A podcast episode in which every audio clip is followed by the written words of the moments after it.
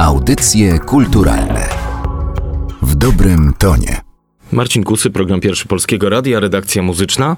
N jak nostalgia. Nostalgia w muzyce jest czymś tak samo naturalnym jak nostalgia w naszym życiu. To znaczy tęsknimy za czymś, coś sobie przypominamy, coś wspominamy, coś, co było dla nas ważnego, albo czasem coś, co nas delikatnie uwierało. A muzyka, jak ktoś kiedyś powiedział, ona cały czas zatacza koło, jak ta historia, to znaczy powraca. Niektórzy powiadają, a w muzyce to wszystko już było, bo wszystko powiedzieli Beethoven, Haydn, Mozart i Bach Inni mówią, że jeśli chodzi o muzykę rozrywkową, też wszystko, co mogło się dobrego wydarzyć, wydarzyło się w latach 20. i 30., a później to wszystko to tylko przetwarzanie bluesa, jazzu, kolejnego dziecka bluesa, czyli rock and rolla i tak dalej, i tak dalej.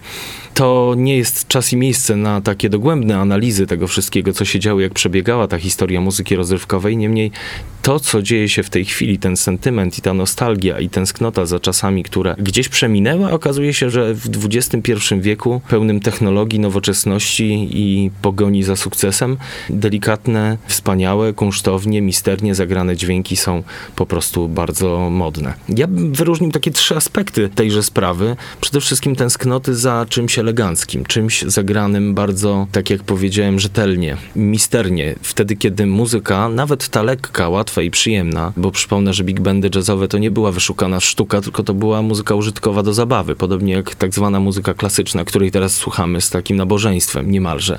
Natomiast to jest taki aspekt i tęsknoty za czymś, co rzeczywiście było eleganckie i co kompletnie nie przystaje do czasów, w których teraz żyjemy. O miłości przecież można napisać piosenkę Odrobinę szczęścia w miłości. Prosta piosenka, jakże urocza, ale można też napisać o tym, jak się leje szampan w Zakopanem, tak? No i teraz co komu pasuje i do czego kto chce wracać. I to jest jeden aspekt sprawy. Drugi, bardzo ważny, to poprzez modę na retro, na vintage, na to, żeby pokazywać to, co działo się na przestrzeni całej historii muzyki, zostańmy przy tej rozrywkowej, to aspekt edukacyjny. To znaczy, z jednej strony młodzi ludzie zabierają się za piosenki, które mają czasem 100 lat i prezentują je z y, takim bardzo dużym pietyzmem, szacunkiem dla oryginału, jednocześnie dodają coś od siebie.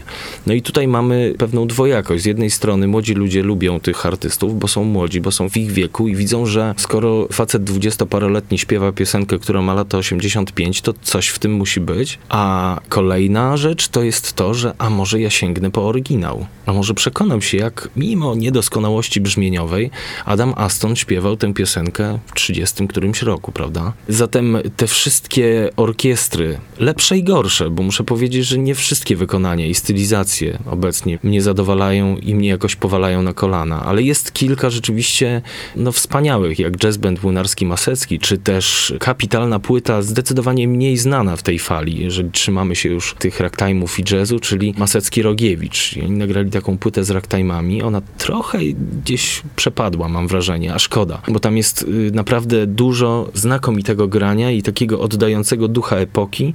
I Marcin Masecki, który wspaniale gra na pianinie, ma specjalne pianino również z tamtych lat. I to jest też taka sztuka, że to nie jest cepelia, to nie jest udawanie, że będę się teraz stylizował, bo usiądę w smokingu czy w fraku i będę udawał pianistę z tamtych lat, tylko w tym jest naprawdę jakaś rzetelna sztuka i takie y, bardzo zdrowe podejście do tej tradycji, a jednocześnie jaka inwencja i fantazja i wyobraźnię Marcina, który do tych tematów dodaje absolutnie swoją współczesną wizję tego, co i jak mogłoby to być zagrane. Natomiast warto oczywiście podkreślić warszawskie kombo taneczne i warszawską orkiestrę sentymentalną. Dużo lżejsze, rozrywkowe zespoły, które jednocześnie posiadły tę umiejętność, że nie popełniają jakiejś zdrady w tym wszystkim. One faktycznie czują tę muzykę i niekoniecznie muszą grać y, ten rodzaj muzyki w salach, w filharmoniach i w y, operach operach, ale na potańcówkach, po prostu do zabawy dla ludzi. I kolejna rzecz, ta trzecia już ten aspekt, kończąc już ten mój może przydługi nieco wywód na temat retro i vintage,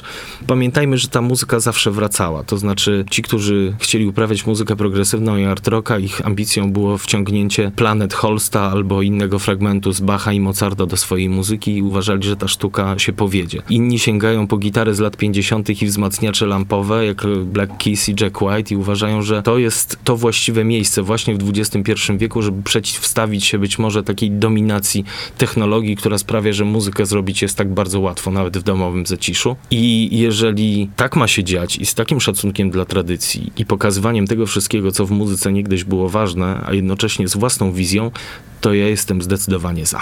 To jest jedna strona medalu, czyli to sięganie do tradycji, do tych wzmacniaczy lampowych, do starych instrumentów i powracanie do tych brzmień. Mówimy o gitarach, mówimy o muzyce rockowej. Grunge jako taki też był swego rodzaju powrotem do riffów Black Sabbath. No nie byłoby Soundgarden i Pearl Jam, gdyby nie riffy Black Sabbath, Budgie i tym podobne grupy.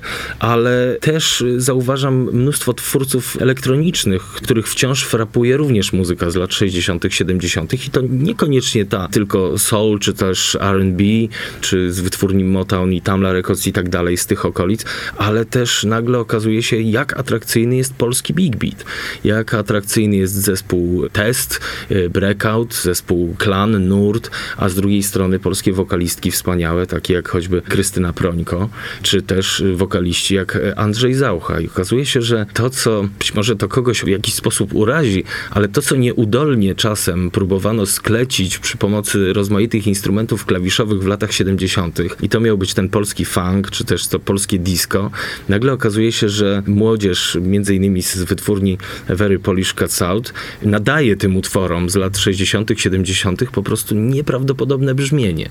Oni ingerują oczywiście w te nagrania, ale to z jakim smakiem to robią, nie naruszając oryginału, wręcz wybijając to wszystko, co było dobre w tych utworach, a dodają jeszcze coś od siebie. To, jaką wizję wizję oni mają. No i przy okazji jest to fantastycznie nowoczesne. I słyszeć czerwone gitary w ich wersji, czy słyszeć zauchę w ich wersji, wręcz jeszcze tam z jakimiś dialogami w rozmaitych utworach i tak dalej, jest to coś nieprawdopodobnego. Więc to retro to nie są tylko piosenki z lat 20. i 30. Te powroty muzyczne to jest właściwie każda epoka. I tu mógłbym jeszcze mówić o tym, no jak powróciły lata 80. No słuchając takich zespołów jak Nasz Camp, czy The Dumplings, czy Oxford Drama, przecież to są bardzo młodzi ludzie, którzy wręcz no, nie pamiętają lat 80., tak jak ja je pamiętam na przykład, tak? I całego nurtu nowofalowego, New Romantic i tak dalej. A okazuje się, że zdobycie syntezatora z tamtych lat, zagranie na nim pewnej sekwencji, przetworzenie tego wszystkiego, no to też jest powrót do tych lat 80. Podobno moda na 80. już przeminęła, podobno teraz jest moda na 90. Czekam zatem na te charakterystyczne brzmienia z tamtych lat. Natomiast y, to święto, które mamy w tym roku, czyli stulecie odzyskania przez Polskę niepodległości, to jest także, uważam, przyczynek do tego, byśmy wracali do pewnych dźwięków, wracali do pewnych brzmień. Był taki koncert w Jarocinie, teraz co ciągle widzę w niej, który wpisywał się w tę całą etykietę obchodzenia święta niepodległości, odzyskania niepodległości. I to też był taki bardzo ważny moment zauważenia również tej sceny rockowej, alternatywnej, jako czegoś, co wpisuje się również w całą polską kulturę i która to muzyka w latach 80. stanowiła naprawdę potężny fundament, czy też taką opokę albo oparcie dla wielu ludzi, jeśli chodzi o to całe przejście przez dość ponure czasy, czy stanu wojennego, czy później już całych przemian. Więc cieszę się, że i tutaj te powroty następują i miło jest słyszeć Łukasza Lacha czy Darię Zawiałow, kiedy Daria krzyczy białą flagę Republiki Naprawdę, no, to jest coś wspaniałego i co powoduje przynajmniej u mnie ciary. Audycje kulturalne w dobrym tonie.